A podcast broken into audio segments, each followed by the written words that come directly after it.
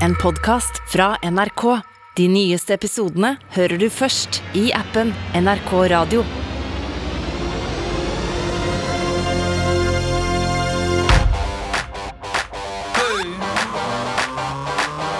Popkorn over politikk med Sean Henrik Matheson og Gjermund Stenberg Eriksen.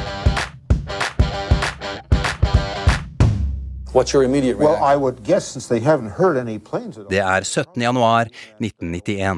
CNN is the network for the most complete På. CNN blir USAs tidligere utenriksminister Kaspar Weinberger intervjuet om situasjonen i Irak. Secretary Weinberg, you were credited with the uh, military buildup, which is being I seks måneder etter at Irak invaderte Kuwait i august 1990, så hadde man ventet på dette øyeblikket. We have to go to Baghdad, Secretary. Uh, we're, we're going to Bernard Shaw in Baghdad. Og så skjedde det. Uh. Den første Gulfkrigen var i gang. Operation Desert Storm, alle krigers mor, som Iraks leder Saddam Hussein kalte den. Og for første gang i historien kunne du og jeg og folk rundt omkring i hele verden sitte i sofaen, trygt hjemme i stua vår med nytraktet kaffe i koppen og se en krig utspille seg direkte på TV. For første gang så vi luftvernsartilleri lyse opp nattehimmelen, små lysende grønne prikker som ble til lange streker og som vred på seg i alle retninger som en dans. For første gang hørte vi den skarpe lyden av missiler som raste over himmelen, for første gang så vi dem dundre ned i gatene og bygningene i en by, Bagdad, og etter et sterkt lysglimt hørte vi lyden av eksplosjonen, flammer og røyk og støv drev over byen. Som en film. Noen raketter hadde til og med kamera i snuten. Vi satt på, vi var med de siste 500 meterne. Vi så hvordan murbygningene nærmet seg, nærmere og nærmere og nærmere, helt til vi kunne lese gatenummeret som hang på veggen. Så ble det svart. Som et spill. Men det var ekte. The skies over Baghdad have been illuminated. We're seeing bright flashes going off all over The skies over Baghdad are illuminated, som vi akkurat hørte CNNs journalist Bernard Shaw si. Og plutselig fikk vi nye helter, krigsreporteren. Der vi før hadde sett kornete bilder og film av soldater i krig, så vi nå klare bilder av krigsreporteren i hjelm og skuddsikker vest, med mikrofonen i hånda, kamera på skulderen og med logoen til CNN oppe i det ene hjørnet. Uh. Vi så dem dukke bak murvegger mens granater og kuler fløy over hodene på dem, direkte på TV. Vi så dem sitte på med stridsvogner på vei inn i kamp, direkte på TV. Vi så dem gjemme seg på hotellrommet mens sporlysene fløy over himmelen utenfor vinduet deres, og mens hotellet ristet av bombene som falt rundt omkring, direkte på TV. Dette er 30 år siden. Det var starten. Og slik har det blitt at hver gang en krig starter, en krig verden og media synes er interessant nok, så setter vi oss ned i sofaen og ser den utspille seg foran øynene våre, live, direkte på TV. Da blir det skutt så nære her nå at vi må bare komme oss eh, i dekning.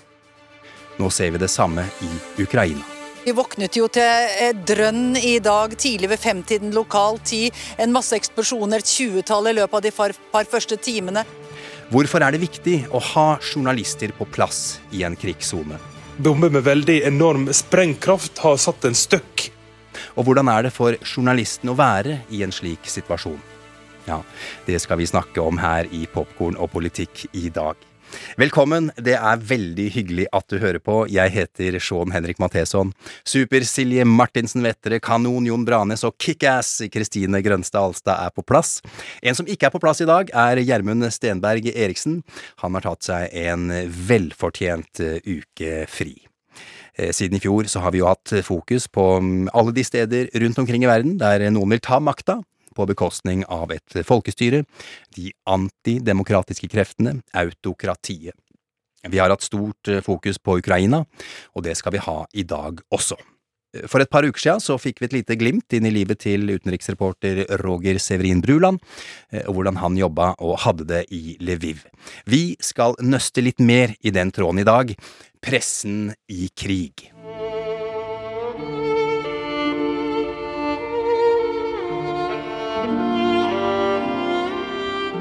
Det er nesten 30 år siden eh, Schindlers eh, liste. Eh, Det er litt rart å tenke på, syns jeg. I hvert fall for noen av oss.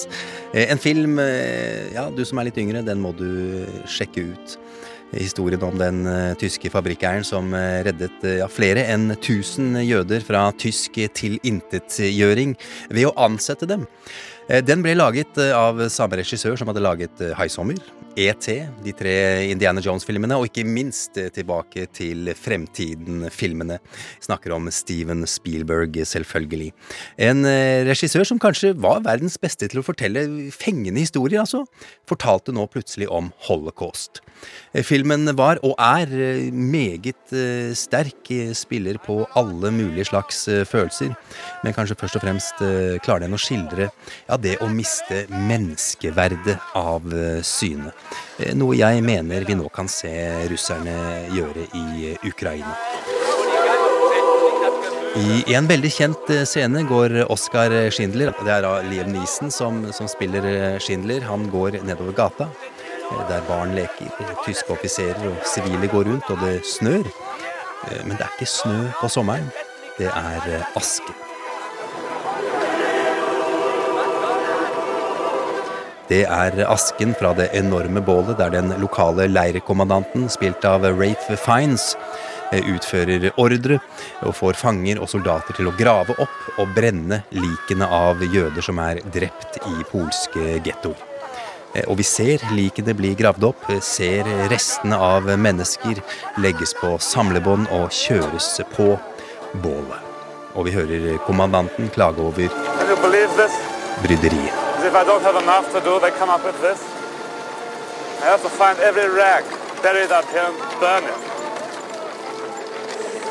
Party's over, Oscar. They're closing us down, sending everybody to Auschwitz. When? I don't know. As soon as I can arrange the shipments, maybe 30, 40 days, that would be fun.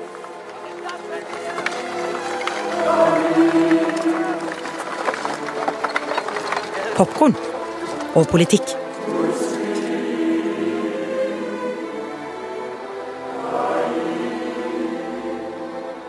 Vi har fått besøk av ansvarlig redaktør og administrerende direktør i VG, Gard Steiro. Velkommen, Gard. Takk for det, og tusen takk for at jeg får komme. Ja, Det er en stor glede. VG dekker krigen i Ukraina, og du skal fortelle om hvordan dere ivaretar de journalistene dere har på plass der etter hvert. Men først, Gard. Den første TV-sendte krigen, Gulfkrigen. Hvilke minner har du av den?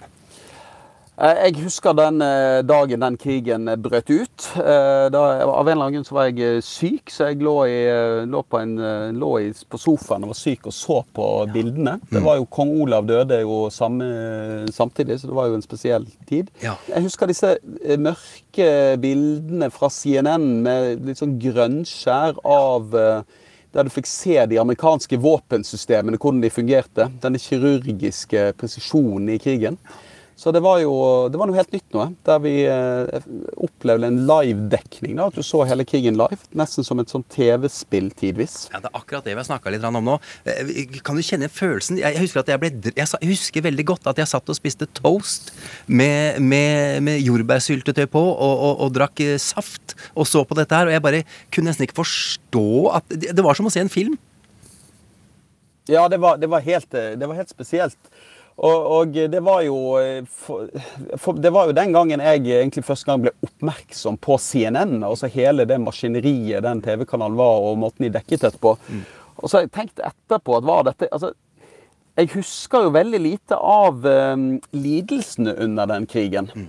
Jeg husker jo veldig godt disse bildene her, men jeg har ikke noe bestemt minne liksom, av mm hvordan disse Du husker bare at disse bombene traff, da, og rakettene traff og med en presisjon som var helt, var noe, var helt ubeskrivelig. Mm. Men jeg husker jo ikke dekkingen av ofrene for denne krigen. Nei. Det er jo et paradoks i dag. Ja, jeg skjønner veldig godt uh, hva du mener. Vi snakker om pressen i krig, eller media i krig i dag. Det er overskriften uh, vår. Gard, hvor mange journalister har dere på plass i Ukraina? Akkurat nå har vi i skrivende stund så har vi to. Vi har veldig mange på grensen rundt. Og så har vi nå to inne som nå er i bevegelse. De har vært i Lviv. Mm. Og så nå eh, beveger vi de inn mot eh, Kiev igjen. Så vi har hatt eh, liksom flere team inn og ut. Eh, Vi hadde jo en, måtte jo evakuere noen fra Kiev for, noen, eh, for et par uker siden. Nå er vi på vei inn igjen i Kiev. Mm. Så ifølge BBC så har eh, sju journalister blitt drept i løpet av den eh, måneden krigen har vært. Eh, Senest denne uka så ble jo en russisk eh, journalist drept i nettopp Kiev i et eh, rakettangrep. Du som er ansvarlig for journalistene, hvordan opplever du det? Jeg syns dette, det- dette er det aller vanskeligste eh, man gjør som redaktør. Um, og jeg skal jo erkjenne at jeg eh, har ligget søvnløs noen eh, netter. Um, og jeg vet jeg kommer til å få noen søvnløse netter nå også. På mange måter, Det er jo journalistene som drar ut der, som er heltene i disse historiene, og som tar risikoen. Men jeg tror ofte det kan være enda verre å sitte tilbake i redaksjonslokalene for, eh, for kolleger, for reportasjeledere og for, eh, og for redaktørene. Vi sitter med, føler et veldig ansvar og har et ansvar. Og så er vi ikke til stede, så vi, vi vet jo ikke hvordan, hvordan situasjonen rundt de er.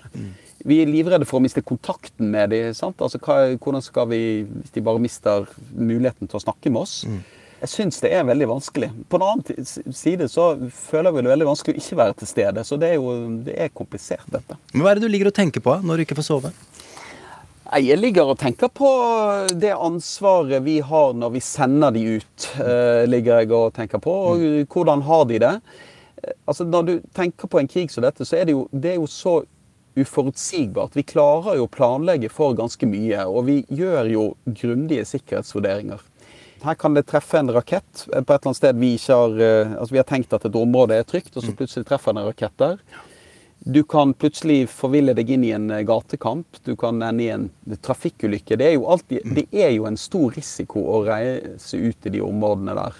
Da vi var forrige gang var i, i Kiev, så er det jo plutselig, det er jo til ting du ikke tenker kan skje. Altså, da lå jo reporterne våre nede i et bomberom inne i Kiev. Og plutselig så ble- de begynte det å gå rykter om at det var en demning som hadde blitt sprengt like utenfor Kiev, og at det var risiko for oversvømmelse. Og man måtte ta stilling til skal de ut av det bomberommet fordi det kan bli fylt med vann, eller skal de bli værende eh, i det bomberommet. Og sånne situasjoner som kan oppstå, er jo det som tar nattesøvn fra meg. Hva er utgangspunktet deres? Hvordan ivaretar dere sikkerheten eh, for journalistene deres, eh, Gard?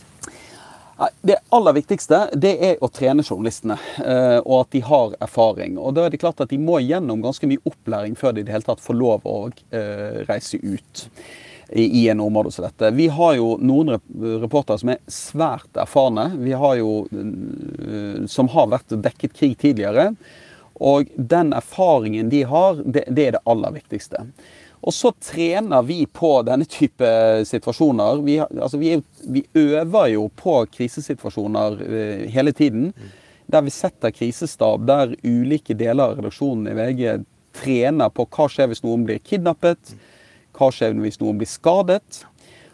Eh, Hva skjer hvis vi havner i en utpressingssituasjon? Altså det er veldig mye vi da skal være trent på, der vi har rutiner med, med ulike roller i redaksjonen. Og I tillegg så er det samarbeidspartnere. Det er klart Vi samarbeider med sikkerhetsselskaper, vi samarbeider med andre som, eh, som kan hjelpe oss å forstå situasjonen før vi reiser inn. Og så er det å ha lokale kontakter. Det er avgjørende. At du har lokale kontakter som du kan samarbeide med, som kjenner, som forstår bedre enn oss hvordan forholdene er på bakken. Mm. Men, hvordan finner dere balansen da med å ha egne folk eh, nært nok, hadde jeg nær sagt, og, eh, og det å lene dere på andre, f.eks. byråer, slik at du da ikke setter dine egne folk i, i, fare? Det er et godt spørsmål, syns jeg. Fordi at det, du kan jo si det er jo et Hvorfor i det hele tatt tar vi sjansen? Altså, Norge er et relativt lite land. Det fins veldig mange journalister nå fra de store byråene rundt omkring i Ukraina. Og vi får jo bilder fra eh, krigen inn hele tiden. Det er jo en strøm av bilder og informasjon fra eh, krigen. Men dette er jo etter min mening en redaksjons da, som vil si, fordømte plikt. Det er at du skal sende ut de eh, reporterne som leserne våre er vant til å lese, som leserne våre stoler på. De skal være der og rapportere. Og Hvis alle medier tenker at dette får vi overlate til ett eller to byråer, så blir den dekningen fattigere. Risikoen for feil øker. Og det har en egenverdi at vi ser det som skjer med våre egne øyne, og formidler det, altså våre, formidler det med egne øyne. Det mener jeg er viktig. Fra et norsk perspektiv, fra et VGs perspektiv dette, Det er jo dette journalistikk handler om. Det handler jo om å være til stede og ha det vi sier feet on the ground der nyhetene, der nyhetene skjer. Eh, du har jo nevnt allerede at, at, eh, det er ofte folk med erfaring, og de har fått god trening. Eh, men er det spesielle folk dere spør? Må de ha dette her, eller sender dere nye folk inn som, som kanskje akkurat har hatt denne opplæringen og slike ting? Altså, du, jeg tror du må se litt, For det første er dette frivillig. Sant? Det er veldig viktig. Altså, jeg vil aldri eh, beordre en, en, ansatt til å dra inn det, For de, de, som drar inn i en sånn situasjon som dette, vet at det ligger en risiko der. Mm. Eh, så det er jo en frivillighet inne. Jeg tror at det er veldig viktig å bygge opp den erfaringen over eh, tid. Og Du skal ikke begynne med å gå inn i et krigsområde. Den som er på vei inn der nå, Harald Henden, er jo en altså er vel Norges mest erfarne krigsfotograf. Han var eh, til stede i Afghanistan um, under angrepet på Serena hotell. Han var med på invasjonen av Irak. Han har vært i Afghanistan. Han har vært i diverse kriger og konflikter i Syria og Midtøsten. Det er en av de mest erfarne pressefotografene vi har. Og For meg føler jeg meg iallfall veldig trygghet når han reiser sammen med folk med mindre erfaring. Mm. For Harald kan lese altså Han forstår hvor langt man kan gå. Han klarer å lese situasjoner og ha den erfaringen som skal til for å vurdere risiko opp mot hva man da får igjen journalistisk. Er det noen som sier nei? Ja, det er det. Mm. Det, er mange, det, er mange, som ikke ønsker å, å, dra inn i en sånn situasjon som dette. Og, og det har jeg veldig respekt for. Det, det er ikke for alle. Og det, og det tror jeg er en del, det er en del som ikke ønsker å ta risikoen, men det er jo en del som ikke tror de som, Jeg tror de kjenner seg sjøl som dette er en situasjon der de ikke ønsker å At de ikke klarer å gjøre den jobben. For det er jo det er klart at det er en mental belastning å være i et sånt område. Og, og du skal bearbeide ganske Du skal bearbeide mye, mange sterke inntrykk når du er der. Mm. Og så tror jeg også det er en del journalister som opplever at når du reiser inn i en situasjon som dette, der det er så dramatisk, det er så mye lidelse og så mye forferdelig, og så er du inne der og tar bilder av det, eller skriver om det. Men du Jeg tror mange har en, føler kanskje at det de bør, burde gjøre i den situasjonen, er å hjelpe. Mm. Mm. Og det vet jeg at mange som har kommet tilbake fra sånne situasjoner, har følt på seinere. Gard, hva er det som har gjort eh, størst inntrykk på deg av alt som har skjedd i Ukraina de siste fire ukene? Sånn Rent som redaktør så gjorde det et veldig inntrykk på meg da vi fikk omsider teamet vårt ut fra Kiev forrige gang. Og Det var fordi at det var en dramatisk reise ut av Kiev, der vi var veldig redde for eh, at vi De hadde da blitt eh, hva skal jeg si, eh, ikke angrepet, men anholdt på gaten av noen militsaktige grupper som vi ikke helt visste hvem det var. Så de hadde liksom blitt siktet på med skarpladde våpen bare noen timer før de tok de ut. Mm. Og det øyeblikket akkurat da vi visste at ok, nå har vi det i sikkerhet, det var et sterkt øyeblikk. Ja. Det andre for meg, og det tror jeg mer Det var de bildene vi fikk av syke barn, mm. syke ukrainske barn som ble liksom fraktet, transportert ut av Ukraina. Du så det var veldig syke barn, kreftsyke barn, som man blir, liksom blir fraktet over i busser og tog og båret over grensen ut av, ut av krigen for å prøve å få behandling her ute. De, de bildene gjorde veldig sterkt inntrykk på meg. Ja, Det er nesten ikke til å holde ut, egentlig. Men, eh, og dette er jo sterke inntrykk for, for oss eh, som sitter hjemme. Eh, og du har jo allerede snakka om inntrykkene som dine folk får på bakken der. Hvordan, hvilken oppfølging får folkene dine etter å ha vært der og, og de kommer hjem? Vi får, eh, altså de får jo, vi har jo et opplegg for dette. Altså det, det, tror jeg er fordelen med å jobbe i de største redaksjonene. Der er det opplegg for dette. Med, man må få mulighet til å snakke, for profesjonell hjelp. Man må bearbeide det man har, uh, har opplevd.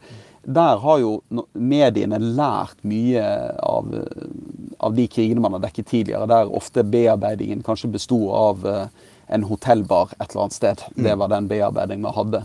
Så det er jo et mye større opplegg for det, og en mer bevissthet rundt at den psykiske belastningen, det å være til stede i en sånn krig, og det å oppleve kanskje redsel for eget liv, og det man bare er vitne til, at det må bearbeides. Og så må vi òg gi støtte til de Man tenker jo det er de som er ute i krigen, som har, sitter med de det, det, er de som trenger eh, støtte når de kommer hjem, men mange av de som har sittet hjemme òg, trenger jo òg mulighet til å bearbeide dette. Mm. Du kan tenke deg de som sitter nå i VG og i NRK og i Aftenposten og sitter hele tiden og prøver å verifisere bildene fra krigen. Sitter og får inn alle de inntrykkene, vurderer hva kan man publisere, hva er for sterkt, hva er for eh, Er dette sant eller er det usant? Prøver å skille propaganda fra fakta. De sitter òg med noen voldsomme inntrykk som de òg må få hjelp til å bearbeide. Mm. Apropos eh, virkemidler, eh, Gard. altså Nå er jo krigen da inne i sin femte uke. eh, Og vi i Popkorn og politiet har tenkt litt på om vi altså seere da og lyttere, om vi har blitt helt numne nå. At vi har sett så mye død og ødeleggelse at vi tuner ut på en måte. altså ja, igjen, Apropos virkemidler. Hvilke grep skal da reportere og journalister ta i bruk for at vi, publikum skal holde på interessen? Ja, altså, jeg tror, du, jeg tror du får en sånn fatigue-opplevelse som mange bruker etter hvert. For nå er det, nå er det overalt. eh, Og det er vanskelig å skille, skille ulike saker fra hverandre. Sant? Fordi det, det, blir, det blir bare en strøm av dårlige nyheter og litt ulike meninger om det som skjer. Min holdning er at i en krig og det høres kanskje litt rart ut, så skal man virkelig dempe virkemiddelbruken. Fordi at det er så dramatisk det som kommer, at du skal virkelig ikke prøve å bruke noen av de, en del av de fortellerteknikkene man kanskje bruker andre steder for å skape interesse rundt en sak. Jeg tror det viktigste vi gjør nå, det er å holde oss veldig, en veldig faktaorientert dekning. tror jeg er viktig. Dempe virkemiddelbruken. Og så tror jeg òg at for en leser nå å gå inn og begynne å lese på førstesiden av VG eller førstesiden av NRK eller eh, et eller annet De som er nyhets veldig interessert, de klarer å henge med. For veldig mange andre så blir det liksom som å begynne å se en eh, TV-serie i episode fire uten noen forklaring på hva som har skjedd tidligere, eller begynne å spille et dataspill på brett fem. Jeg tror det å klare å sette det i kontekst og forklare hva som har skjedd, liksom forklare situasjonen, tror jeg kanskje blir like viktig som å ha en sånn løpende rapportering av all djevelskapen som utspiller seg. Ja, apropos eh, filmer eh, og TV-serier og spill, hadde jeg nær sagt. Altså, eh, de, bruker også ofte veldig sterke grep, og vi er jo opptatt av, av TV-serier og, og drama her i, i Popkorn og politikk. Eh, Game of Thrones ble jo en av verdens mest populære serier ved å hele tiden komme med nye, sjokkerende vrier og hendelser i, i handlingen. Eh, Som eksempel å ta livet av hovedpersonen før sesongen er ferdig. Hør på dette her. Bring me his head.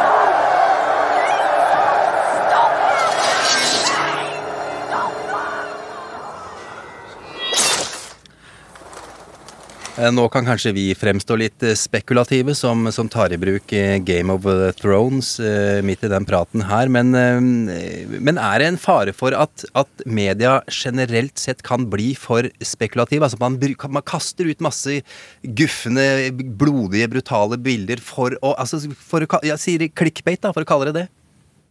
Ja, det tror jeg er en, eh, det tror jeg er en risiko for. Altså, det interessante med Game of Thrones var jo at den serien, i mine øyne iallfall, ble, jo- ble jo et stort antiklimaks på slutten, da de bare skrudde opp volu alle volumbrytere på slutten. Men mens jeg tror at det er en risiko altså Det så du både nå under krigen, men du så det òg i dekningen av pandemien. At, de, at det var en del medier som virkelig Man brukte virkemidler som, som publikum virkelig reagerte på og ikke ville ha. Fordi at du, du liksom dro til da på dramatiseringen av en, en hendelse som er så stor og har så stor nyhetsverdi i utgangspunktet. Så det er derfor jeg sier at det er noe paradoksalt ved det, at mediene på mange måter kanskje de, bør dempe litt virkemiddelbruken under en eh, sak som dette. fordi at realiteten er så sterke at du trenger i alle fall ikke bruke adjektiver når du skal beskrive situasjonen i Ukraina nå. Men å dempe virkemidler, hva legger du egentlig i det, Gard? Nei, Det legger jeg en, veldig faktuell tittelbruk. I en del saker som dette så søker media ofte søker jo ytterpunkter, gjerne i en konfliktsituasjon. sant? Altså Du søker provoserende stemmer eller noen som kan utfordre. utfordre. Når det er veldig sterke saker som dette, så tror jeg behovet for å forstå kanskje er større enn å prøve å skape konflikter som ikke er så store. Du skal være veldig forsiktig med å blåse opp noe som ikke er relevant. Hvilke historier er det som er viktige for dere å fortelle da, fra, fra eh, Ukraina, eh, Gard? Jeg mener det er viktig å beskrive lidelsene til det ukrainske folk. Det er sånn at når vi, vi begynte jo denne samtalen med å snakke om eh, den første Gulfkrigen, og refleksjonen der, mye for min tanke, var jo at jeg, jeg klarer ikke helt å minnes de artiklene om lidelsene til eh, folket. Det mener jeg er veldig viktig å beskrive. Hva er, hva er egentlig krig? At man ikke ser på dette som storpolitikk og et, liksom et, et maktpolitisk spill, men at det er at de, de som lider. Mm. Og så tror jeg det er viktig at denne krigen som alle andre kriger, er preget av mye propaganda eh, og veldig mye løgn. Og eh, mye, mye, som rett og slett er uriktig. Og her tror jeg at det å klare å skjære igjennom og finne ut hva som er sant, og iallfall gjøre leserne veldig oppmerksom på hva er det som her er betydelig usikkerhet knyttet til, er òg en veldig viktig eh, del av dette. Nevnte propaganda. Russerne er jo uten tvil en aggressive part her, og de har jo angrepet et eh, selvstendig land. Går det an å ta russernes perspektiv på alvor allikevel? Deler av russernes perspektiv er det mulig å ta på alvor. Men jeg vil vri på det og si at jeg tror det er viktig at vi forstår hvordan russerne eh, tenker. Eh, og kanskje hvordan den russiske ledelsen tenker. Det, det som er virkelig som jeg synes er et problem i dekningen vår akkurat nå, som jeg syns er en veldig stor mangel, det er at vi av ulike årsaker, både fordi det er vanskelig å jobbe i Russland nå, men òg fordi at jeg tror det er vanskelig å få tilstrekkelig tak i nok de, de, riktige kildene der, så klarer vi ikke helt å formidle hva russere mener om krigen, av veldig mange årsaker. Og det er jo en mangel i dekningen. Altså det å forstå den russiske regimet sin, sitt perspektiv kan jo være interessant å, å gjøre, men jeg, akkurat nå er jeg mer opptatt av å prøve å forstå hvordan vanlige russere opplever dette? Slags informasjon sitter de på? Hvordan opplever de krigen? Hva er det som nå skjer når det kommer tusenvis av kister tilbake til Russland? Det syns jeg er viktig å forstå. Ja, men klarer dere å, å, få til det, da? Med tanke på at uh, det er vanskeligere og vanskeligere å virke som, eh, som journalist uh, i, i, Russland? Det syns jeg er et godt spørsmål. Det vet jeg ikke. Det har jeg ikke svaret på. Altså, Vi må gjøre det vi kan, men det er selvfølgelig vanskelig når både fordi at du, det er vanskelig å komme seg inn i Russland og få de nødvendige papirene, at du kan reise dit uten å ta veldig stor risiko. Men det andre er jo selvfølgelig at veldig mange russere vegrer seg for å snakke med journalister. Det, det, og du vet ikke om de, de, tør å fortelle hva de egentlig mener. Før vi gir oss her, har du noen forbilder blant eh, krigsreportere? Ja, jeg har flere. Jeg, jeg må si at den jeg, den jeg, kjenner best, og som jeg ser virkelig opp til, det er den nevnte Harald Henden, som har viet livet sitt til dette. Det motet han har vist, og han har ikke mistet perspektivet. Mange tror jo at uh, disse krigsfotografene kan være sånne adrenalinjunkies, mm. men uh, du forstår, uh, når du blir kjent med dem, så forstår du at det er noe helt, helt annet som driver dem. Mm. Og det motet og det offeret som ligger i å vie livet sitt til å dekke dekke kriger og være til stede der mennesker lider og rapportere hjem om det. Det har jeg dyp respekt for. Gard eh, Steiro, tusen takk for at du var med i Popkorn og politikk.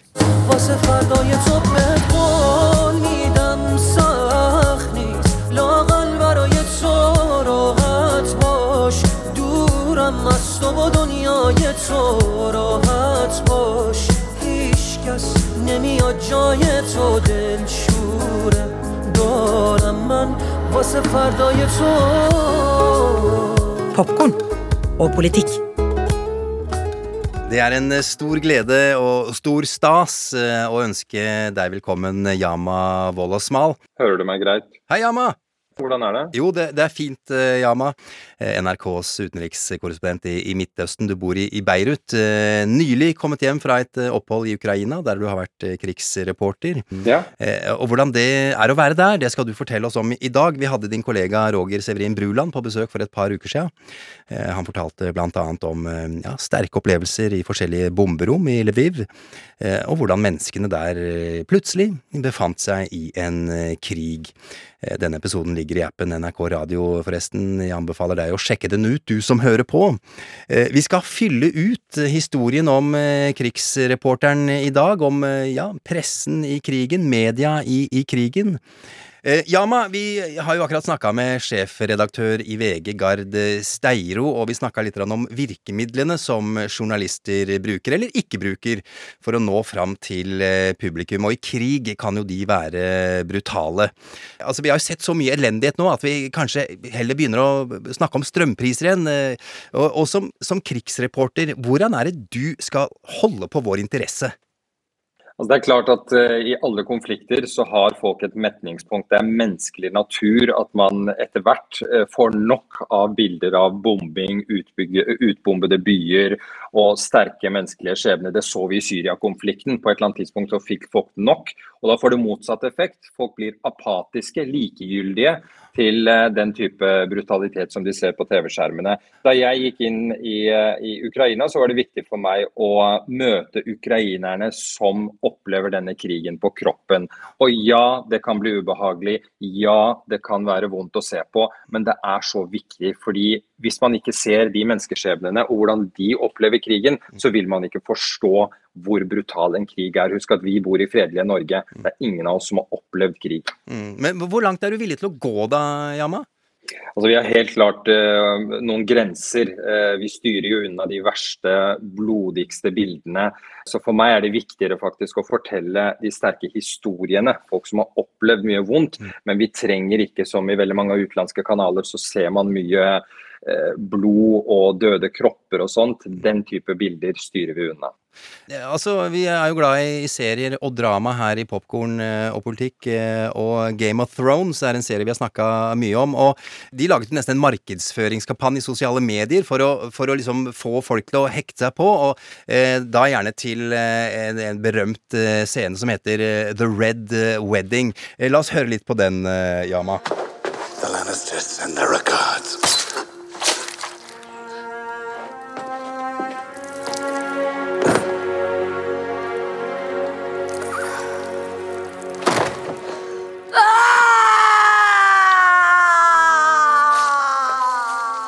Vi hører at blodet renner her. Jeg vet at dette er en serie du har eh, sett. Eh, er det noe automatikk i at eh, jo mer grusomt og brutalt ting er, jo mer selger det? Det er jo klart det gjør det, men vi er heldige fordi i norsk presse så har vi et sett med regler som de fleste mediene følger. Vi har en grense for hvor mye brutalitet vi kan vise folk, nettopp fordi det kan virke motsatt. altså Det kan få motsatt effekt. Ehm, men det er klart, jo mer brutalt det er, jo mer kan det selge. Som sagt, Yama, du var jo nylig i Ukraina, og vi så og hørte dine reportasjer fra krigens eh, grusomheter eh, daglig. Eh, nå har du vært i slike situasjoner mange ganger før. Du er jo født i Kabul i Afghanistan, men du har også dekket krigen der som journalist. Og ja, som Midtøsten-korrespondent så er det jo heller ikke i den roligste delen av verden. Yama, venner du deg noen gang til krig? Altså, jeg, jeg, jeg, har jo et sett med egenskaper som gjør at jeg i større grad eh, er um, hva skal jeg si uh, i stand til å dekke konflikt. Jeg har gjort det en del ganger. Jeg vil ikke si at jeg automatisk venner meg til krig, men jeg har jo valgt å, å søke meg til en region hvor krig og konflikt er en nærmest naturlig del av livet. Så på en måte så gjør jeg det kanskje, ja. Må du være en spesiell type menneske for å være krigsreporter? Jeg tror egentlig ikke det. Eh, de fleste kan dekke konflikt. Eh, men jeg tror det er viktig å, eh, at du takler stressende situasjoner. Fordi når du dekker en konflikt, så havner du ofte i uforutsette situasjoner, ting du ikke har forberedt deg på. Mm. og Derfor gjør jeg ofte, før jeg drar inn i en konflikt, mm. eh, så gjør jeg mine forberedelser. Jeg har både en plan A, B og C for hvordan jeg skal komme meg inn og ut av, eh, av situasjoner jeg kan havne i. Ja, hvordan, hvordan, planlegger du det, da? Hva er A, B og C? Hva er, betyr det? Altså det betyr f.eks. at uh, hvert steg jeg tar i Ukraina, kan jeg gi dere eksempler. Vi beveget oss sakte, men sikkert østover i landet, hvor kampene var hardere og hardere. Vi dro ikke rett inn til Kyiv, f.eks. Vi var noen dager i Lviv, hvor det var relativt trygt, vest i landet. Og så sakte, men sikkert beveget vi oss, og hver dag gjorde vi nye trusselvurderinger. Vi hadde eksterne konsulenter i NRK som hjalp oss med trusselvurdering på bakken. Jeg snakket med veldig mange kilder før vi bestemte oss for at ok, nå beveger vi oss fra by A til B. Mm. Og så ble vi der før vi kommer nærmere og nærmere. Så du gjør grundige vurderinger på bakken før du beveger deg nærmere kampene. Mm. Yama, du dekker jo Midtøsten til vanlig. Hvordan havna du i Ukraina? Altså Jeg så jo at denne krigen eh, ble så brutal som den ble, og jeg meldte faktisk interesse for å dekke den, selv om jeg ikke har noe aldri vært i Ukraina uh, og aldri dekket verken Krimhalvøya og det som skjedde der i 2014. Mm. Men fordi jeg har en erfaring fra krig og konflikt, så meldte jeg interesse overfor ledelsen vår. Uh, som da etter en uke sa at OK, da vil vi gjerne sende deg. Så det var egentlig jeg som ville dra inn. Men hva er det som gjør at du blir dratt mot kriger? Jeg tror det har noe med at jeg har en forutsetning for å kunne dekke en konflikt. Jeg har gjort det en del år uh, og har uh, den nødvendige erfaringen som må til. Eh, det er som sagt helt annen måte å jobbe på når du drar inn i et land som Ukraina, hvor krigen raser for fullt. Bare det du, måten du forbereder deg på, ting jeg må, må, legge en plan for. I Ukraina, jo lenger øst du kommer, jo mindre blir forsyninger. Det er vanskelig å få tak i mat, det er vanskelig å få tak i drivstoff. Så vi måtte, vi måtte stacke alt dette i bilen. Så jeg hadde jo på et tidspunkt 80 liter bensin. Det var jo en rullende brannbombe vi kjørte rundt i. Men, men, du må gjøre den type forberedelser, fordi du reiser ut i fronten, og hvis du ikke finner bensin, så sliter du med å evakueres ut. Mm. Så du må gjøre den type forberedelser. Dette har jeg gjort tidligere, og derfor tenkte jeg at det er greit at, uh, um, at jeg reiser inn og, og dekker denne konflikten. Men hva sier du til kona di når, eh, når du sier at eh, nå stikker jeg til Ukraina? Ja, den uh, samtalen har jeg hatt ganske ofte med kona mi. Hun for det første skal jeg si at Shara, min kone, er, eh, har vært ute en vinternatt før. Hun har flyktningbakgrunn som meg. Mm. Eh, hun er fra Kurdistan i Nord-Irak. Eh, så vi har ikke levd et A4-liv. Hun har vært med på ferie til Afghanistan, og jeg har vært med på ferie til Kurdistan, hvor vi var tre timer kjøretur unna IS-styrker. Mm. Så vi, vi, er herdet på den måten. Og hun vet at dette er jobben min, og hun vet veldig godt at jeg gjør grundige vurderinger før jeg reiser inn i konfliktområder. Så hun stoler nok eh, etter hvert veldig på mine vurderinger, og det gjør at hun har Altså, jeg gir henne en ro før jeg reiser inn, men det er helt klart det er jo uforutsette ting som kan skje. Mm. Så den bekymringen hun føler på, den kan ikke jeg sette meg inn i. Hva sier, hva sier hun til deg før, før du drar? Hun har aldri hindret meg i å reise inn i en uh, konflikt. Uh, men, uh, og en av grunnene til det er kanskje at vi har veldig tett kontakt. Altså Hun er den første jeg ringer når jeg begynner å oppfatte at her drar det seg til. Her endrer situasjonen seg. Her er det ting som skjer som jeg ikke har forberedt meg på. Da Taliban stormet inn i Kabul 15.8 i fjor og jeg var i byen og vi ikke så det komme, da husker jeg at det var den mest nervøse samtalen jeg hadde hatt med min kone. Eh, pulsen skjøt i været. Og Jeg ringte henne fra satellittelefon og sa Shara, nå skjer det ting her som vi ikke har forberedt på. Jeg vil bare du skal vite at jeg er trygg nå, jeg skal ikke utsette meg selv for risiko, men jeg vet virkelig ikke hva som skjer i timene som kommer. Hold, jeg holder kontakten, jeg kommer til å ringe deg hver halvtime for å oppdatere deg. Uh, hun tok det veldig rolig, men hun sa i ettertid at da var hun ganske nervøs for hva som kunne skje. Mm. Og barna dine, du har jo barn også, hva, de er jo små riktignok, men hva sier du til dem? De er for små til å forstå. Eldstedatteren min er eh, tre år gammel.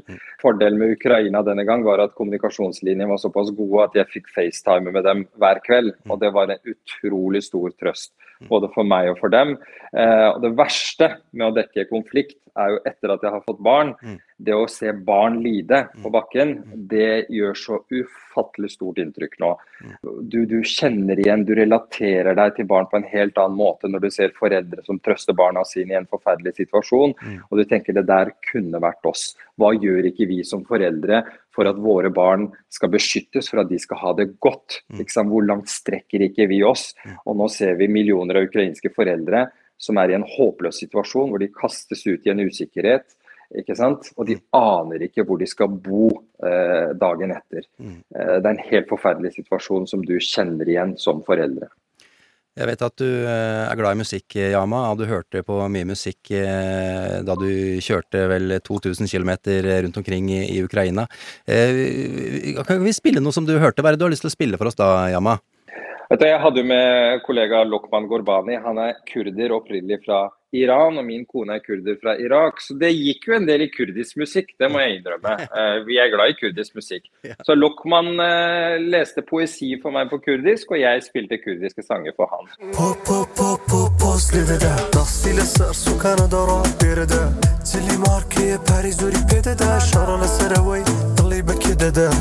Popkorn og politikk.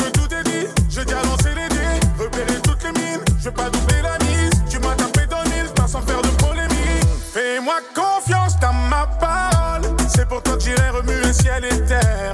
L'impression que tu joues un rôle. Jamais je ne prendrai le risque de te perdre. Jamais je ne prendrai le risque de tout faire. Laisse-moi tout te raconter à cœur ouvert. Le souci, c'est que t'es parti vite comme une journée d'hiver. T'as quitté mon univers. Quoi que l'on puisse dire, l'impact est ici. Dans mon cœur, un hurricane que t'as lancé depuis Jupiter. Vi hadde forsvarssjefens uh, sjefsersjant på besøk for et par uker siden, Rune Wenneberg, en av Norges mest erfarne soldater. Uh, Veldig interessant eh, samtale. Den finner du som hører på i appen NRK Radio, heter Motstandskampen. Uh, Han fortalte om hvor grundig norske soldater blir opplært i å, å tåle å være i ekstreme situasjoner, slik at de da takler det ja, helt enorme stresset det er å være i en skarp situasjon. Altså at ja, du står der i en skyttergrav, da, og kuler og granater flyr rundt øra på deg, og at de kan stå i det eh, uten å få panikk og, og stikke av, som han eh, sa. Eh, krigsreportere må jo også takle frykt. Britiske Marie Colvin var en av dem. Hun ble hardt eh, skadet da hun dekka borgerkrigen på Sri Lanka, og hun ble drept i 2012 mens hun dekka borgerkrigen i Syria for The Sunday Times. Eh, Det er blitt laget en film om livet hennes. Den heter A Private War, og det er skuespiller Rosamund Pike som spiller Marie Colvin. Hør på det her. In war zones, parents go to bed at night not knowing if their children will see the morning. That is a measure of fear that I can never feel. But when you're covering a war, you have to go to places where you could be killed or where others are being killed. எல்லாரும் போங்க ஏன் இருக்கீங்க Go there. and put one foot in front of the other, no matter how afraid you are, to make that suffering part of the record. Yama, hva tenker du når du hører eh, Marie Colvins eh, tekst? Altså, det er så godt beskrevet. Eh, kunne ikke sagt det bedre selv. Det er jo en av grunnene til at denne jobben, selv om den er farlig og selv om den utsetter oss eh, for en risiko, uansett hvor godt vi planlegger, så er det jo det som gjør det meningsfylt. Krig er noe faenskap. Som flyktning vet jeg hva det innebærer. Vi rømte fra Afghanistan da russerne invaderte på 80-tallet, så jeg vet alt om det. Min familie vet alt om det. Og som journalist har jeg nå muligheten til å dokumentere de lidelsene en krig eh, påfører et folk. Og ja, det kan være farlig, men eh, det er så utrolig givende å få ut de stemmene det gjelder. Men hva slags opplæring har du i å takle ja, kanskje akkurat den samme situasjonen altså, som jeg beskrev disse soldatene kunne være i? Hva, du, hva, ja, hva lærer du om det? Altså Alle utenrikskorrespondenter i, eller utenriksreportere i NRK som dekker krig og konflikt, eh, går gjennom omfattende kursing. Man får det man kaller sikkerhetskurs. eh, og Disse kursene er satt opp av eksmilitære, altså soldater med lang og bred erfaring, som kurser deg i fem dager i alt fra kidnappingsscenarioer, sant? ganske realistiske scenarioer hvor du setter deg i en bil med teamet ditt og du kjører ut i eh, skogen. Eh, og så blir dere omringet av maskerte menn, tungt bevæpna, som skyter i været. Og drar deg ut og tar på deg en svart hette, stripser hendene dine, kaster deg inn i en bil og kjører av gårde. Du aner ikke hvem dette er, hva de vil med deg, hvor lenge du skal sitte i fangenskap, om du kommer til å bli drept eller ikke. Den type scenarioer blir du drillet i. Og jeg husker det siste kurset jeg var på, selv om du vet at det er iscenesatt, du aner ikke hvor høy pulsen din blir idet det skjer. Idet du får får den svarte hetta over hodet. Da går tankene til disse IS-henrettelsesvideoene automatisk. Det gjør noe med kroppen. kroppen. Alle sansene skjerpes når du får den hetta over. Og det er nettopp det de ønsker. Å se hvordan du reagerer når, du får, når dette skjer med deg. For dette kan skje i virkeligheten, og da må du være i stand til å takle den situasjonen. Får du en fryktmestring av, av eh, et sånt eh, kurs? Absolutt. Det er jo et scenario de færreste av oss har vært borti. Så det å oppleve eh, å bli eh, kidnappet, selv om det er på tull, eh, gjør noe med kroppen din. Det gjør at du mentalt forbereder deg på den situasjonen. Eh, Og du får også ganske god drilling på hvordan du kan unngå å bli kidnappet. Hvordan du skal unngå å havne i den type situasjon. Og Noe av det mest lærerike med disse kursene er bl.a. ganske avansert førstehjelp. fordi når vi er ute for å dekke en konflikt, så er du ofte langt unna sykehus og helseklinikker. Og hva skjer hvis du blir skutt? Hvis du får en kule gjennom eh, låret, og hovedpulsåren eh, driver og pumper ut blod. Hva gjør du da? ikke sant? Så da får du ganske avansert førstehjelpsopplæring med skuespillere som ligger der og har liksom fått en fot sprengt, og blodspruten står ut av låret. Og da skal du prøve å stoppe den blødningen. Hvordan gjør du det? Hva gjør du for å begrense den skaden, for at du skal komme deg til sykehus for å redde livet ditt? Har du hatt bruk for eh, dette kurset? Har du opplevd noe av det du beskrev nå? Heldigvis ikke. Heldigvis ikke. Bank i bordet. Jeg har ikke opplevd disse tingene, men jeg har vært ganske nær. Hvor nær har du vært? Eh, Da vi dekket krigen i Libya, da jobbet jeg i TV 2, eh, så var frontlinjen skiftet veldig fra dag til dag, og vi gjorde en feilberegning. Vi trodde at eh, en liten by var under opprørernes kontroll, for vi var med, var med opprørerne. Og så havnet vi i et bakhold, og det var en helt forferdelig opplevelse. Da smalt kulene rundt oss eh, på alle kanter. Vi visste ikke hvor de skjøt fra. Heldigvis kom vi oss eh, ut eh, helskinnet, men den opplevelsen glemmer jeg ikke. Ifølge BBC så har jo sju journalister blitt drept i Ukraina i løpet av den drøye måneden den har vart. Senest denne uka her så var det en russisk journalist som ble drept i et rakettangrep i, i Kiev. Hva var det de gjorde som de ikke burde ha gjort? Det er umulig for meg å si sånn. Alle gjør sine vurderinger. Vi vet for lite om hva slags situasjon de var i. Hvordan all verdens f.eks. denne siste journalisten som ble drept av en rakett. Det er umulig å beskytte seg mot en rakett som kan falle fra lufta. Sant? Det kunne skjedd oss. Og så kunne folk kalt oss dumdristige som dro inn i et sånt område. Men det er en risiko du er nødt til å ta. Eh, og så har du hatt journalister som har blitt skutt. Og det skal jeg si, Med en gang vi hørte den første New York Times-journalisten bli skutt i en forsted eh, utenfor Kiev, så endret vi dramatisk på planene våre. For vår plan var også å reise nærmere hovedstaden. Da den hendelsen fant sted og han ble drept, så la vi det alt bort og sa nå kjører vi ikke inn i områder hvor det er gatekamper, fordi da er det stor fare for å bli skutt. Men risikoen for å bli bombet fra lufta, den må vi regne med. Dere ombestemte dere. Er det noe du og din kameramann gjør, eller er det noe du får beskjed om fra, fra NRK? Det kan være begge deler. I dette tilfellet så ringte jeg med en gang den nyheten sprakk, og vi hadde den på alle nettaviser i Norge, at journalist, amerikansk journalist har blitt skutt i Ukraina. Så ringte jeg først og fremst min kone for å roe henne ned og fortelle henne at hør her, vi er langt unna de områdene. Du trenger ikke være bekymret. Jeg ringte familie og jeg ringte ledelsen min og fortalte at nå har dette skjedd. Vi er et godt stykke unna. Vi hadde planer om å dra inn i lignende områder. Nå legger jeg det helt bort. Og jeg fikk full støtte for det. Yama, du har jo mye rutine. Eh, Du har vært i, i mange eh, krigssituasjoner, for å si det sånn. Hvordan merker du at du har rutine? Det merker jeg allerede fra før avreise. Eh, Jeg gjør såpass grundige vurderinger, sikkerhetsvurderinger, sjekker ut hvem jeg kan stole på i de ulike områdene, får meg en god fikser. Det er våre øyne og ører i de landene vi opererer i. Uten en god fikser så kommer du ikke langt. Eh, har du en god fikser, så kan vedkommende få deg ut av ganske vanskelige situasjoner. Så jeg gjør ganske grundige vurderinger allerede før avreise. Og når jeg først da er inne i konfliktområdet, så gjør jeg vurderinger som går nesten fra time til time, dag til dag. Hvor jeg endrer på planene mine, går for plan B istedenfor den opprinnelige planen vi hadde, fordi forholdene på bakken endrer seg såpass fort i et sted som Ukraina. Og en fikser, kan ikke du kjapt bare fortelle hva det er, Yama?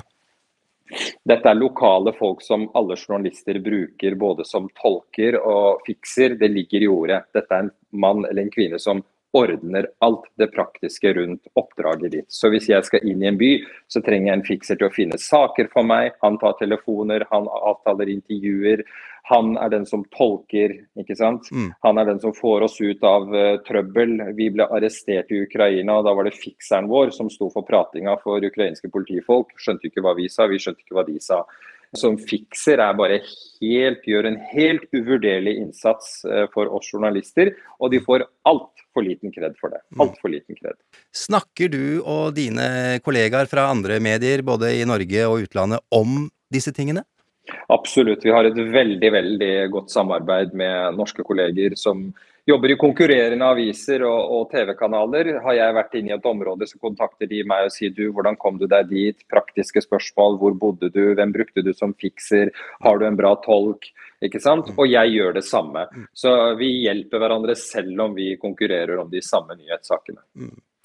Uh, men hvordan er den mentale veien fra å tenke på sikkerhet og alt som kan gå gærent, til å gå inn i journalistmodus? Altså, nå må vi få bilder av dette her, vi må være ved det brennende huset, i nærheten av soldatene, stridsvognene osv. Hvordan er den prosessen? For min del så går hjernen på høygir når vi havner et sånt sted. I Ukraina så kjørte vi inn i en by som het Sjutomyr, hvor vi visste at sivile mål hadde blitt rammet. Det var ikke daglig bombing der, men flyalarmen gikk i ett sett. Så Vi kjører inn i byen, kommer til en skole som har blitt bombet. Alt er rolig og fint, og så uler flyalarmen. Og folk begynner å løpe rundt omkring, ned i kjellere. Og Da var vi i en situasjon hvor vi ante ikke hvor bomberommet var, vi visste ikke hvor folk løp. Og Da må du gjøre en kjapp vurdering. Hva skal du gjøre? Avbryte filmingen? Hvor skal du søke dekning? Og Da hadde vi ikke noe annet sted enn å bare løpe inn i bilen, parkere den i en liten sidegate og vente til flyalarmen gikk eh, over. Så, så du, må, du, må, ha evnen til å kaste deg rundt på ganske kort varsel. Mm.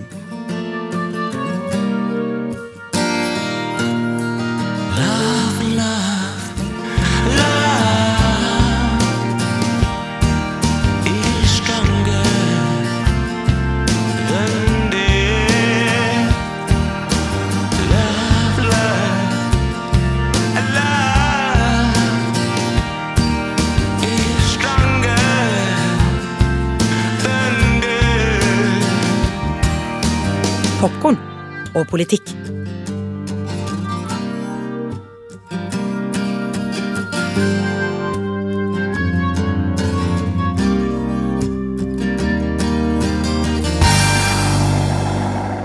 En ting er døde soldater, det er jo grusomt nok i seg selv, men så er det de sivile, altså for eksempel historien vi fikk høre på nyhetene, var det mandag, var ikke det, om en liten gutt som hadde splintskader i hodet, og som mm. hadde stått og sett moren sin brenne inni en bil. Mm. Eh, akkurat den situasjonen var ikke du vitne til, Yama, men når du befinner deg i en sånn grusom situasjon, du ser døde mennesker, folk som har mista barnet sitt, mammaen eller pappaen sin, hvordan håndterer du det der og da? Jeg, jeg, jeg, har vært veldig klar på at jeg har ingen interesse av å fremstå tøffere enn det jeg er. Eh, en av de tøffeste opplevelsene jeg hadde var i Kabul, hvor vi møtte en ung far som hadde mistet både kone og sin to år gamle sønn i et eh, selvmordsangrep mot en eh, sivil buss. Og Jeg satt der med denne faren. Han hadde akkurat fått hele verden revet vekk. Det var bilder av denne sønnen over hele rommet. Han hadde tapetisert veggene med bildene. Og han bryter sammen under intervjuet hele tiden. Mm. Og det, det, jeg må innrømme, jeg satt bak kamera og gråt med han. Mm. For jeg kjente meg igjen i alt han sa. Han satt ved siden av senga til sønnen og sa hver natt la jeg sønnen min i mine egne armer i denne senga. Og nå er han borte. Mm. Og alt det var jo som Det, det kunne vært min datter. Og mens vi snakker om dette her, så hører vi jo datteren din i bakgrunnen, Yama. Ja, hun er like høylytt som meg. Og Det er jo liksom den påminnelsen er, du får hele tiden når du er i et område og du ser sivile lidelser, du ser barn, og så tenker du på dine egne barn. Det treffer deg så hardt i magen. Eh, noe av det verste jeg vet, er når, når kona mi sender meg bilder av barna mens jeg er på disse turene. De havner i kamerarullen. Og så får jo vi journalister stadig vekk bilder fra fronten. Og de bildene havner også i kamerarullen. Så når jeg skal se på bilder av datteren min og scrolle videre, så ser jeg plutselig bilder av lemlestede kropper og små mm. barnekropper. Mm. Og så tenker jeg fy søren, det der er ungen mm. til et menneske. Dette kunne vært barnet mitt. ikke sant? Du får den rå urettferdigheten rett i trynet. Hvor din unge smiler på ett bilde, og på neste bilde så ser du en, en liten barnekropp som ligger der livløs. Men Bearbeider du disse inntrykkene underveis, også dette med kamerarullen, eller handler det bare om å komme seg gjennom disse to ukene og ta det når du er trygt hjemme, Yama? Dette er veldig individuelt. Sean. For min del så er en del av bearbeidelsen å få dokumentert den faenskapen som vi er vitne til. Å få dette ut. Det er en del av bearbeidelsen. Når jeg da har laget ferdig saken med fotografen min og vi har fått sendt den på lufta, vi to har en omfattende prat, detaljert prat. Og så har jeg en veldig god støttespiller i kona mi. Jeg ringer henne ofte og snakker med henne ut mens jeg er på tur. Eh, snakker ut med henne om det jeg har opplevd, og jeg får en naturlig debrief på den måten. Og så har jeg også veldig godt støtteapparat hos ledelsen min, som er veldig tett kontakt med meg på sånne turer, og med andre kolleger. Eh, så vi er godt ivaretatt. Men jeg er veldig tilhenger av å løpende prate ut om, om de forferdelige tingene man ser Når du er ferdig med oppdraget ditt, eh, du har siste dag på jobb i Ukraina, hvordan er opplevelsen av å reise vekk fra krigen? Det er en veldig spesiell følelse. Jeg husker da jeg kom, Selv da jeg kom hjem til Beirut, så spratt jeg opp i senga nesten tre dager etterpå også. For jeg tenkte å, jeg har live på Nyhetsmorgen, jeg må forberede meg. Så kroppen er ute av konflikten og det du har jobbet med i to uker. Men på en måte sjel og sinn er fortsatt der. Så det tar virkelig noen dager før man klarer å lande, før man klarer å legge vekk det man har jobbet med. Hva er det første du gjør når du kommer hjem? Og det er å gå til barna mine. Uh, og, og, det beste var å bare legge seg i senga med dem. Normalt syns jeg det er irriterende, fordi det ødelegger hele søvnen. Men det, det, er det beste jeg vet etter en sånn tur. Å bare ha én på hver side og bare sove med dem og la dem forstyrre meg hele natta fordi jeg har savna dem så mye.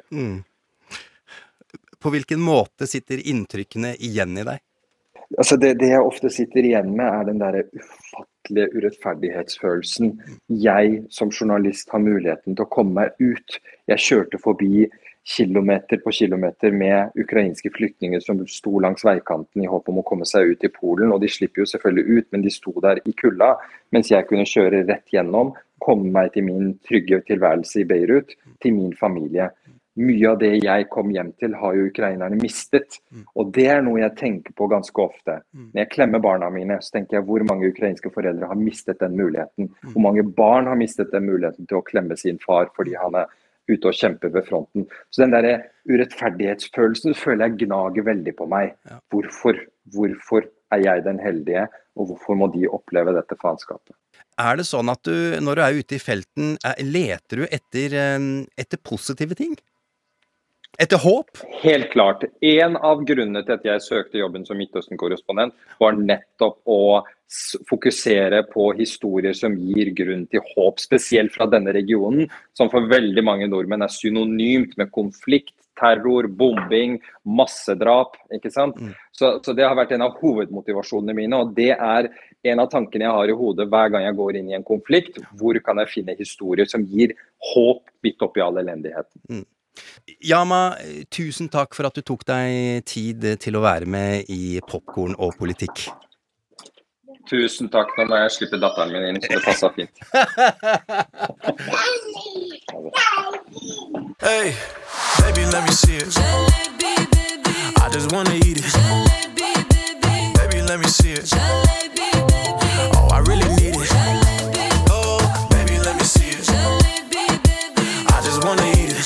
That og politikk.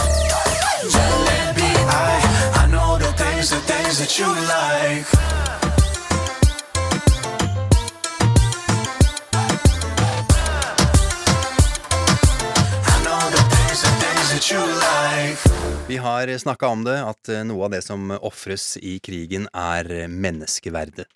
Det er ekstremutgaven av oss og dem. Da Rune Wenneberg snakka om soldatlivet for noen podder sia, for å si det sånn, så sa han at det er veien til krigsforbrytelser. I Schindlers liste er rekka av krigsforbrytelser lang. Hør her hva som skjer når fangenes byggeleder sier at grunnmuren ikke holder. Leirkommandanten er ikke imponert. My name is Diana Reiter. I'm a graduate of civil engineering from the University of Milan. Oh, I'm educated too, like Karl Marx himself. Unterscharführer. Jawohl. Shoot her. Herr Kommandant! I'm only trying to do my job. Yeah, I'm doing mine. Sir, she's foreman of construction. We're not going to have arguments with these people. Okay. Shoot her! Here, on my authority. It will take more than that. I'm sure you're right. Du kan ikke krangle med disse folka, sa Amon Goeth, spilt av Rafe Fines. Disse folka. Henrettelsen sørger regissør Steven Spielberg for å vise deg, uten videre seremoni. Ja, og det er for å sjokkere deg, for at du ikke skal bli nummen.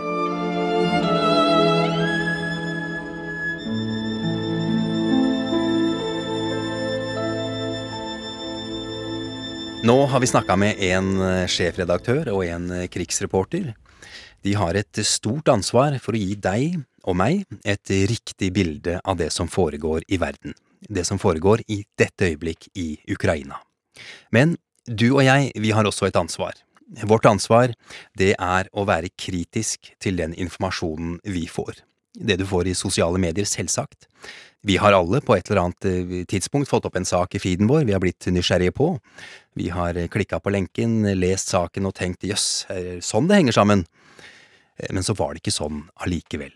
Men algoritmene har allerede tatt deg i sitt klamme og manipulative grep, og, og vips enda en gang, så får du opp mer og mer av det samme slaget.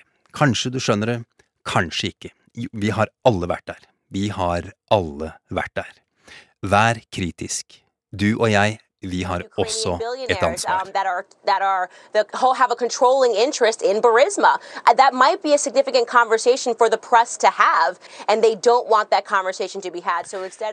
Det er mange inntrykk jeg sitter igjen med etter å ha hørt uh, Yama fortelle om livet som krigsreporter. Det har sikkert du også, men jeg merker at det jeg kjenner mest på, det jeg kjenner i magen min akkurat nå, kjenner hele kroppen egentlig, det er hans fortellinger om barna. Som han sa, det er så urettferdig. Det er dypt urettferdig at de skal lide, slik han har sett og opplevd på nært hold på, på mange av sine reiser, og at foreldre skal lide over å miste det umistelige i meningsløs vold. Jeg er selv far til tre små, to fine gutter og minstejenta på fire. Og som Yama sa, det er først når du har egne barn, i hvert fall var det det for meg, det er nesten fælt å si at jeg sier det høyt, men det var først da mine egne barn kom til verden at det å se andre barn lide eller dø virkelig gjorde inntrykk. En sorg og en smerte og et sinne, og igjen følelsen av tung urettferdighet.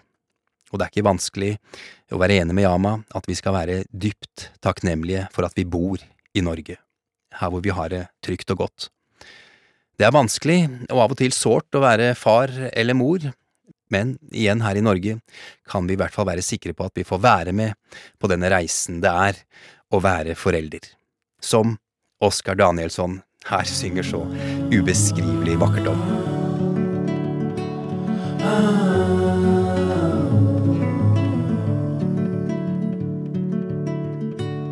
Du kommer resa deg og gå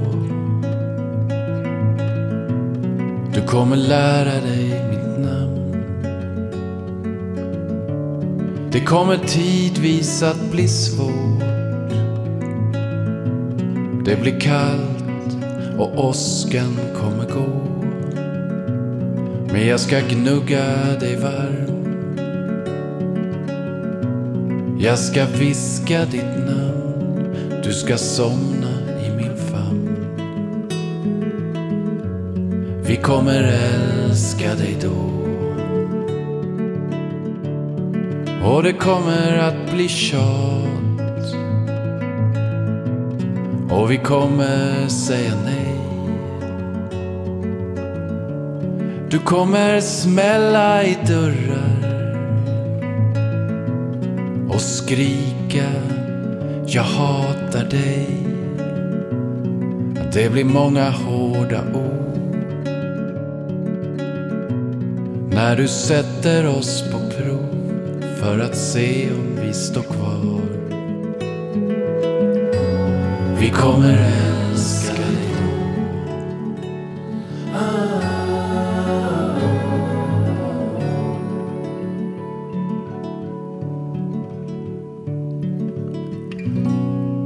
Jag lägger handen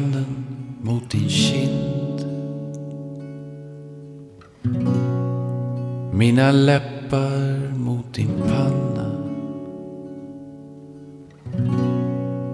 Och jag viskar några ord som du inte kan förstå. Men som ska skydda dig ändå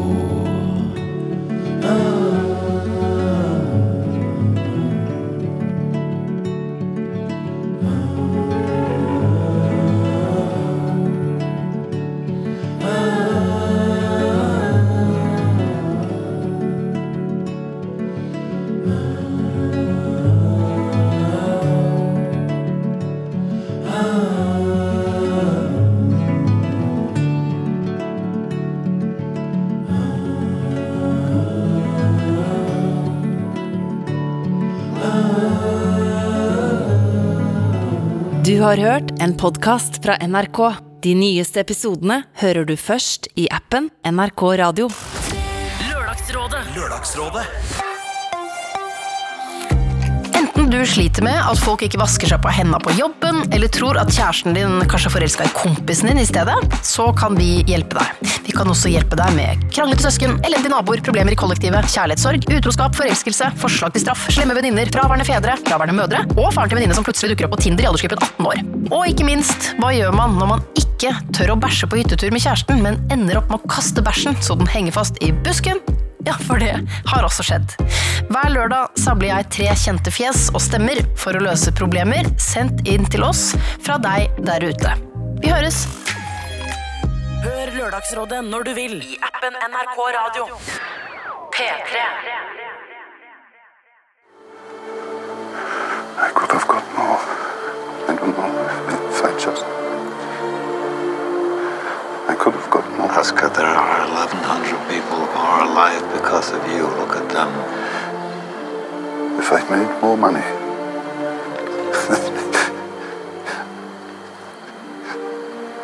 you have no idea. If I just. There will be generations because of what you did. I didn't do enough. You did so much.